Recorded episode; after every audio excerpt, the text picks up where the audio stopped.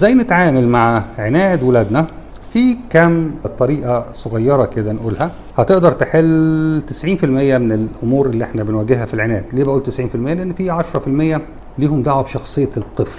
ليهم دعوة بأن الولد صعب الميراث كشخصية لكن ملهاش دعوة بتصرفات الأهل. فاللي أنا هقوله ده هيشيل الجزء بتاع تصرفات الأهل أو البيئة والجزء بتاع صعوبة ميراث الولد ممكن نتكلم عليها في مرة تانية. أول حاجة لازم نكون صبورين جدا مع الطفل العنيد. بمعنى إنه مرات بنخسر ال- القضية مع أولادنا لأن إحنا بنبقى مستعجلين. عايزين ننزل عايزين نخلص أكل عايزين الولد يخش ينام عايزين آه، يعمل اللي وراه. اللهوجه دي بتصعد الأمر. بتلاقي الدنيا كده كربست والولد صوته عالي والأهل صوتهم عالي والدنيا دخلت في منطقة كده مقفول عليها لأن إحنا مستعجلين. إذا واجهت عناد من ابنك اصبر.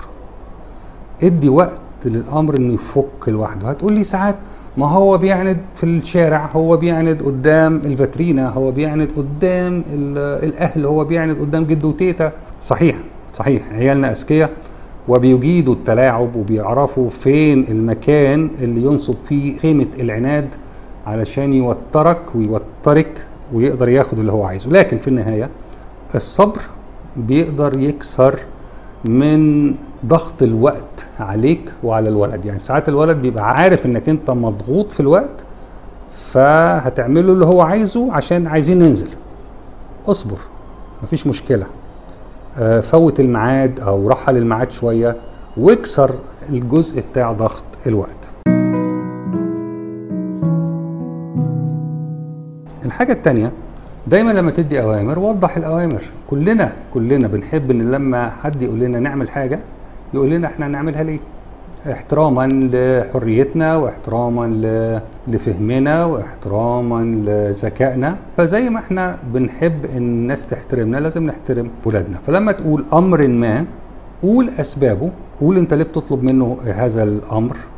قول انت ليه عايزه يعمله بسرعة أو عايزه يعمله بالراحة. وضح باستمرار الأسباب. آه، طبعا الولد مش هيتجاوب باستمرار مع الأسباب ومش هيرضى بيها لكن في النهاية هيكون عارفها وده شيء مهم انه يكون عارف هو بيعمل كده ليه ده شيء مهم حتى لو مش راضي عنه. اكتفي بالتعليمات الضرورية. بلاش سيل التعليمات الرهيبة. اعمل وسوي واعمل وسوي واعمل وسوي واعمل وسوي. خلي دايما طلباتك أو خلي طلباتك كأم يعني في أضيق الحدود علشان يبقى في قيمة للأمر. يعني مش لازم ندي أوامر لكل حاجة. البس الشراب البس الفردة اليمين الأول وبعدين البس الفردة الشمال وبعد كده الجزمة اليمين وبعد كده الجزمة في إيه؟ العملية مش محتاجة كل هذا التدقيق بكل هذه الأوامر. ما هو في النهاية هو فاهم إنه علشان يلبس في حوالي 35 أمر طلعوا. إحنا ممكن نقول البس هدومك ويلا عشان نازلين يعملها إزاي بقى يعملها بطريقته. في النهاية هو هيلبس. ففكرة الأوامر الكتير نحاول نتغاضى عنها علشان لما نقول أمر يبقى أمر له قيمة. ماما قالت البس يبقى ألبس. ماما قالت بلاش الصوت العالي يبقى بلاش الصوت العالي. ماما قالت إني مش هنخرج النهارده يبقى مش هنخرج النهارده. يبقى الموضوع كبير. لكن لما بيلاقي ماما قالت حاجة من ضمن حاجات كتير هي طول النهار بتقولها الولد مش بيستجيب. راعي العدل بين الإخوات طبعا لازم الولد يحس إن في شيء من المساواة بين الإخوات وتعاملات الأهالي معاهم. والمفتاح الذهبي لكسر عناد الأولاد هو إنك تدي الأولاد فرصة للاختيار. يعني دايما قول لهم آه، مثلا لو أنتوا نازلين وهتبتدوا تلبسوا ممكن تقول للولد آه، تلبس ده ولا ده تخيروا بين لبسين. هتقولي العيال مش بتعرف تختار وبيختاروا حاجة غلط. طلع أو طلعي حاجتين انت عايزاهم. يعني مثلا لو الدنيا شتاء عايزاه يلبس تقيل طلعي اتنين لبس تقيل وقولي له أه تحب تلبس ده ولا ده؟ هيقول لك ألبس ده. خلاص. هو اختار من ضمن اللي حضرتك رشحتيه. وده شيء كويس ولما هيخرج وهيقول لهم أنا اللي اخترت اللبس اللي أنا اخترته وهيكون ماشي وهو متباهي ومليان بالزهو والفخر لأنه اختار ومش هيبقى فيه عناد.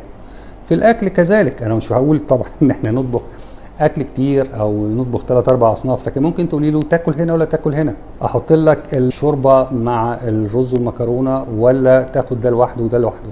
تحب تبتدي دلوقتي آه إن إحنا ناكل ولا نستنى كمان ربع ساعة بعد ما تخلص البرنامج أو بعد ما تخلص الحاجة اللي أنت بتعملها أو بعد ما تخلص الكتاب اللي أنت بتقراه هو هيختار.